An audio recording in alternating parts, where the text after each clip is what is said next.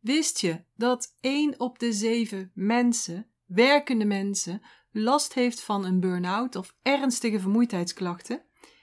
Dit zijn meer dan een miljoen Nederlanders.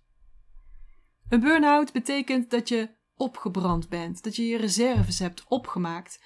En veel van mijn mensen hebben ooit te maken gehad met een burn-out, of misschien zelfs wel met meerdere keren een burn-out. Daarom wil ik je in deze aflevering meenemen in mijn visie op een burn-out. Waarom het zo lang duurt voordat je er echt uit bent en hoe je kunt voorkomen dat je in een burn-out terechtkomt. Of voor een tweede of een derde of zelfs een vierde keer. Het Westers Medisch Circuit beschouwt burn-out als een langdurig probleem. Dus ook zij zien dat wel in. En ze spreken zelfs officieel pas van een burn-out wanneer de klachten langer bestaan dan zes maanden en gevoelens van moeheid en uitputting sterk op de voorgrond staan. Dat is wat ze officieel zeggen. Verder geven ze ook aan dat iemand die volgens het fasen-takenmodel consequent en activerend wordt begeleid, meestal binnen drie maanden weer controle over zijn functioneren krijgt en gedeeltelijk zijn maatschappelijke en privéactiviteiten weer kan oppakken en weer aan het werk kan gaan. En dit heb ik letterlijk overgenomen uit de registratierichtlijnen en behandelrichtlijnen. Als je meer wil weten, kijk even in de show notes. Maar uit de praktijk blijkt dat dit vaak heel anders verloopt. Bij een groot deel van de mensen duurt het herstel heel veel langer, veel langer zelfs dan 12 maanden.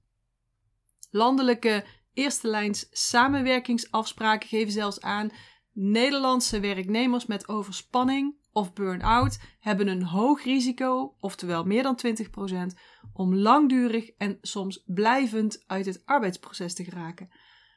Nou, waarom het resultaat zo wisselend is en waarom het herstel bij sommige mensen zo lang duurt, daarover kunnen volgens deze richtlijnen geen eenduidige conclusies worden getrokken. En dat vind ik dan een beetje vreemd. Want als ik kijk naar de fysiologie van de menselijke energiesystemen, dan wordt het ineens gewoon heel duidelijk. Huidige westers-medische publicaties klassificeren burn-out als werkgerelateerde psychische klachten. Maar de fysiologie laat zien dat burn-out en, en vermoeidheid primair een fysiek proces is. Er is dus sprake van verstoring in de mitochondriën en dat zijn de kleine energiefabriekjes in onze cellen.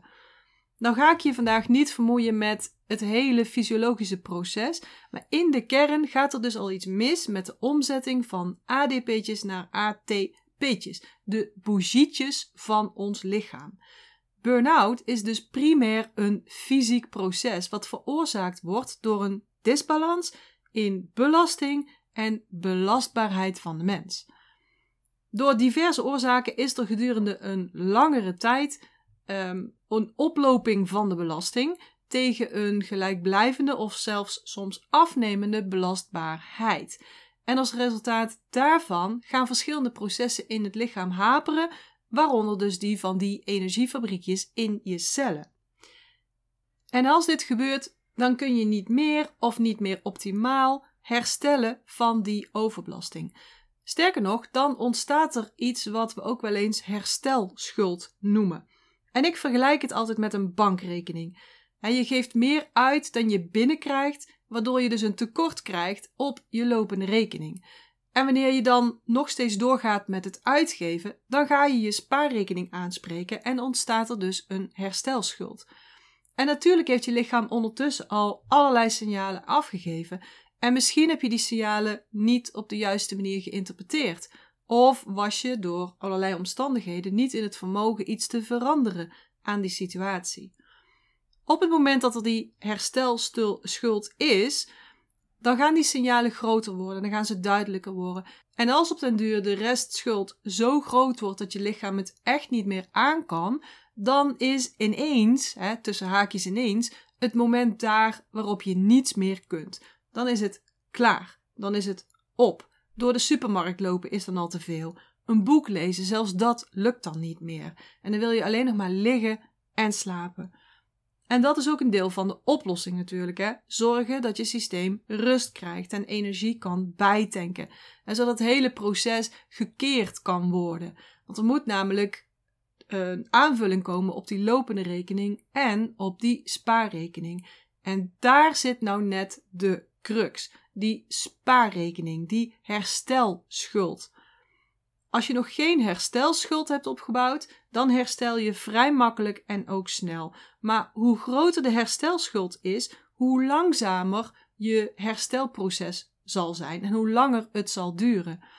En het wil niet zeggen dat je gedurende die tijd helemaal niets kunt doen. Hè? Integendeel, maar het is wel zaak dat je heel goed je belasting en belastbaarheid in kaart krijgt en dat je daar dus je activiteiten op afstemt. Je zult dus goed energiemanagement moeten gaan toepassen.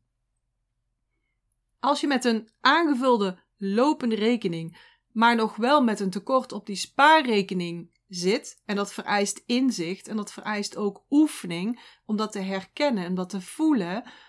Als dat zo is en je gaat weer volledig aan het werk, dan zul je met de minste, geringste kleine overbelasting meteen weer thuis zitten. Gewoon omdat je dus geen reserves hebt. Nou, zoals je van mij weet, ben ik niet alleen expert in energie op het westerse vlak, hè, dus in fysiologie, anatomie, trainingsleer enzovoort, maar ook op het gebied van de oude Oosterse geneeswijze en energieleer. Dus ik wil je ook even meenemen in die Oosterse visie op burn-out en op vermoeidheid.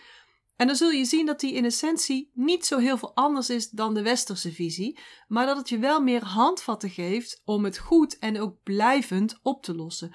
Omdat je dan weet hoe je aan de kern van het probleem kunt werken. Inside out dus, hè?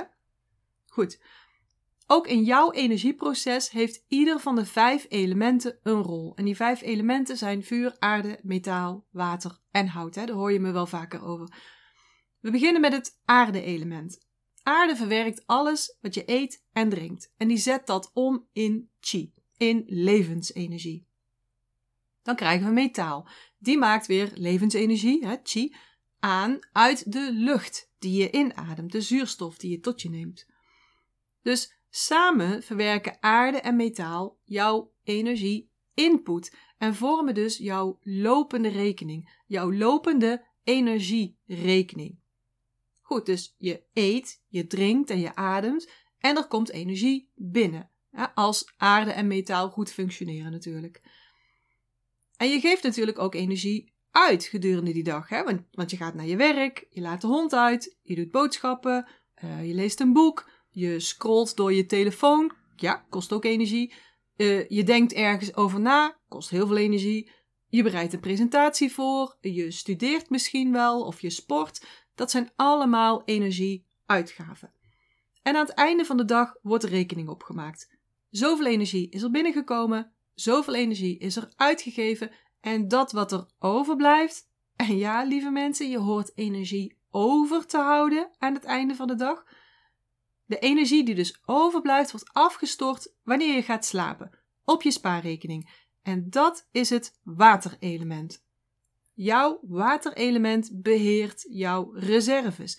En die reserves die heb je later nodig wanneer je oud bent en met pensioen gaat. Eh, om nog fris en fruitig te zijn. Zodat je nog leuke dingen kunt doen met je opgebouwde tijd en geld. En niet opgebrand achter de geraniums hangt. Maar die reserves die heb je ook nodig voor onverwachte uitgaven, zoals een ziekte. Of wanneer je je enkel hebt geblesseerd of zoiets. Dan hebben we nog twee elementen, hout en vuur. Maar die laat ik voor nu even achterwege. Daar praat ik nog wel een keertje over in een andere aflevering. Want deze drie elementen, aarde, metaal en water, die maken het proces van vermoeidheid en van burn-out helemaal duidelijk. Dat is de kern waar alles om draait. Als je meer uitgeeft dan wat er binnenkomt, dan ga je op een gegeven moment niet meer voldoende hebben aan je lopende rekening. Hè? Dus aan dat wat aarde en metaal opbouwen. Als je dan toch besluit om door te gaan op dezelfde manier en dus niet te kiezen voor voldoende recharge, dan moet je dus gaan bijlenen van je spaarrekening. Dat waterelement dus. En een beetje bijlenen is niet zo erg. Af en toe bijlenen is niet zo erg. Maar bij consequent bijlenen en niet meer aanvullen, dan ga je problemen krijgen. Sowieso zal je al tekenen hebben gehad van een tekort op die lopende rekening. Als aarde-energie bijvoorbeeld uit balans raakt of in deficiëntie raakt, dan krijg je last van vermoeidheid. dan heb je snel blauwe plekken zonder dat je weet waarom dat dat is. Dan ga je mogelijk vocht vasthouden, bijvoorbeeld in je benen of in je handen, maar ook rondom je ogen na het slapen. Dan heb je mogelijk ook meer afscheiding. Dan heb je ook mogelijk problemen met de stoelgang, die kan zachter worden. Uh, problemen met de stofwisseling. En dan kan je ook meer gaan malen, gaan denken. Weet je, uh, piekeren, dat, dat rondgaan van diezelfde gedachten. Metaalenergie die regeert over de longen, de luchtwegen, dus ook je neus bijvoorbeeld. Uh, maar ook je huid en je darmen. Dus klachten op, het, op dat vlak kunnen dan optreden als metaal in deficiëntie raakt of uit balans raakt. Maar ook op het niet-fysieke vlak kun je bijvoorbeeld te maken krijgen met verdriet wat je niet los kunt laten. Eh, of problemen überhaupt met loslaten. Het vasthouden aan datgene wat niet meer bij je past, bij wie je nu bent of bij wie je wilt zijn. En misschien heb je dat allemaal niet opgemerkt, heb je er geen aandacht aan gegeven, misschien heb je het wel weggewuifd. Maar als water eenmaal mee gaat doen, dan worden de klachten anders en dan wordt alles ook echt veel meer serieus. En tekenen van dat je waterenergie deficiënt is of wordt, zijn dat je rugklachten hebt of gekregen hebt. Knieklachten horen ook in het rijtje thuis. Uh, je libido kan minder zijn of kan zelfs weg zijn. Problemen met blaas, met nieren, voor de mannen, met prostaat, voor de vrouwen, met de baarmoeder. Uh, vruchtbaarheidsproblemen. Maar ook aan de niet-fysieke kant uh, doelloos zijn. bijvoorbeeld niet met goed weten wie ben ik. Wat wil ik nou en wat is goed voor mij? Dat zijn allemaal signalen van een afnemende waterenergie. Ook bijvoorbeeld het optreden van meer angst, dat je meer bang bent voor dingen, dat je minder vertrouwen hebt in alles. Typisch signalen van water. En boven alles natuurlijk een diepe, diepe vermoeidheid. Uiteindelijk dus dat compleet opgebrand zijn, dat is dus echt het leeg zijn van de waterenergie. Gelukkig bestaat die waterenergie uit twee lagen. En als je mijn boek hebt, blijft het meer energie volgens de vijf elementen. Dan moet je maar eens in het boek kijken bij water. Dan zie je daar een tekening staan en daar heb ik het afgebeeld. Waterenergie is dus je reserverekening en die bestaat uit twee laagjes. Als het ware een soort akkubak met twee laagjes erin. De eerste laag is de, wat de Chinezen zo mooi zeggen, de voorhemelse energie. En die energie heb je meegekregen van je ouders bij conceptie.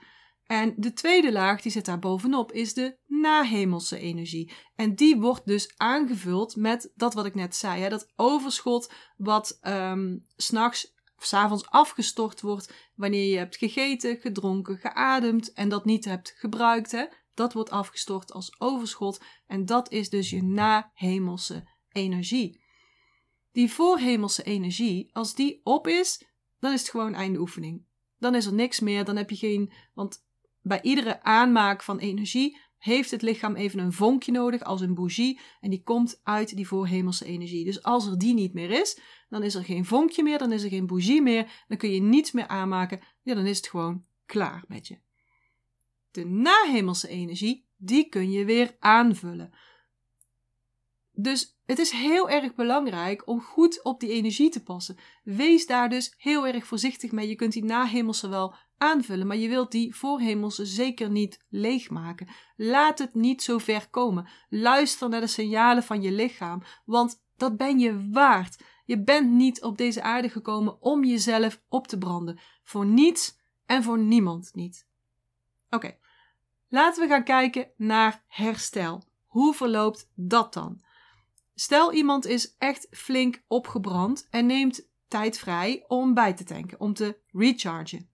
Dan blijft iemand dus eten, drinken en ademen. Dus er ontstaat meer rekening of meer energie op die lopende rekening. Iemand doet niet veel, want is echt aan het rusten, dus er ontstaat een situatie van aanvullen. Daarmee wordt dus eerst die lopende rekening aangevuld. En pas als op die lopende rekening echt een overschot gaat ontstaan, als die gaat overlopen, dan pas kan er afgestort worden op die waterrekening, om die restschuld dus te verkleinen. Maar wat gebeurt er nou ondertussen vaak? Mensen die in een burn-out terechtgekomen zijn of die daarop afstevenen, dat zijn vaak gedreven mensen, ambitieuze mensen met een sterk karakter, met een goed uithoudingsvermogen. En dat principe heeft ze dus ook vaak in deze problemen gebracht. Dus de kans bestaat dat zo iemand bij de eerste tekenen van energie alweer denkt: Nou, wat kan ik gaan doen? Hoe kan ik mezelf weer nuttig gaan maken? Hoe kan ik mezelf weer nuttig gaan voelen? Voel je hem? Zie je wat er dus heel vaak gebeurt? Iemand gaat dan weer energie uitgeven terwijl de lopende rekening nog steeds niet op orde is en de reserverekening al helemaal niet. Dus wat is er nodig op dat moment? Hoe kan je jezelf echt nuttig maken? Meer rusten, meer slapen, meer mediteren. En mediteren is een versnelde manier van afstorten. Kom ik in een andere aflevering nog wel een keertje op terug. Dus juist niet te veel doen. En dat is behoorlijk lastig voor ambitieuze en gedreven mensen, maar het is wel, wel zeker nodig. Ook op het moment dat het bedrijf, hè, dus het bedrijf waar je in dienst bent of jouw eigen bedrijf, op het moment dat het bedrijf weer aan je gaat trekken, moet je goed zorgen voor een langzame opbouw met goede reflectiepunten, liefst onder begeleiding. Want stel dat je goed bent uitgerust, je bent goed aan het bijtanken, maar je herstelschuld is nog niet afgelost. Je voelt weer meer energie en je kan alweer naar de winkel, je kan alweer een boek lezen en je denkt, nou weet je wat, ik ga weer voorzichtig aan een dagje werken. En aan het einde van zo'n dag of aan het einde van zo'n week is de balans eigenlijk weer nul. Want je hebt energie binnengekregen, maar je hebt ook energie uitgegeven en je staat eigenlijk wel weer op nul. Maar goed, je hebt die werkdag overleefd en je hebt niks kunnen afstorten op je reserverekening. Dus die schuld, die staat er nog steeds. En langzaam wen je hier weer aan, gaat het ook weer beter met je. Je houdt nog weer een beetje meer energie over en je besluit twee dagen te gaan werken. Nou kost dit dus ook weer extra energie. En die energie die je in werk steekt, kun je dus niet afstorten op je reserverekening. En de kans is dat die schuld dus blijft staan. Snap je hoe het dus kan gaan? Het is echt heel belangrijk dat je aan het einde van de dag energie overhoudt. Energie overhouden om af te storten op je reserverekening, om zo die herstelschuld weg te krijgen. Want alleen dan ben je hersteld, niet eerder. Dus je moet het echt zorgvuldig opbouwen en je moet je energie echt goed monitoren. Anders dan ga je met die herstelschuld weer volle bak aan de gang en dan hoeft er maar dit te gebeuren en dan ben je alweer over dat randje. Dan heb je niets om bij te lenen. Et voilà, de volgende burn-out. En ik heb dit al zo vaak bij mensen gezien en het kan echt voorkomen worden. Dat kan echt. Een burn-out kan voorkomen worden. Maar ook als je al één keer in een burn-out hebt gezeten, dan kun je ook die volgende voorkomen. Goed energiemanagement is jouw antwoord. En wil je dat leren van mij? Blijf dan vooral naar deze podcast luisteren en abonneer je op dit kanaal, zodat je geen enkele aflevering meer mist. En heb je een vraag hierover? Stuur me die dan hè, via een DM of via een mailtje. Kijk maar even in de show notes voor alle details. En als je er echt klaar voor bent, of misschien beter gezegd, als je er echt klaar mee bent, dan nodig ik je uit om deel te nemen aan mijn Master Your Energy traject. Dan ga ik je persoonlijk begeleiden. En voor januari heb ik nog twee plaatsen. Dus stuur me een bericht als je daar interesse in hebt. Dan geef ik je meer informatie. Dan plannen we een call in, zodat we samen kunnen praten over jouw situatie en wat ik voor jou kan betekenen en hoe jij beter in je energie kunt komen te zitten. Goed, voor nu wens ik je een hele fijne dag, vol energie en vol bubbels. En zoals wij hier in Brabant zeggen, zeg ik houdoe, oftewel zorg goed voor jezelf. En tot de volgende keer. Ik hoop dat ik je weer heb kunnen inspireren en motiveren. En als dat zo is, zou ik het heel tof vinden als je deze Master Your Energy podcast zou willen delen. Bijvoorbeeld door een screenshot te maken en die te delen op social media. Waar je me ook heel erg blij mee maakt, is een waardering en een review. Bijvoorbeeld in iTunes, Apple Podcasts of in Google. En uh, hoe meer sterren, hoe meer bubbels. Oh, en abonneer je dan ook meteen even op dit kanaal of ga me volgen op Spotify. Dan mis je nooit meer een aflevering.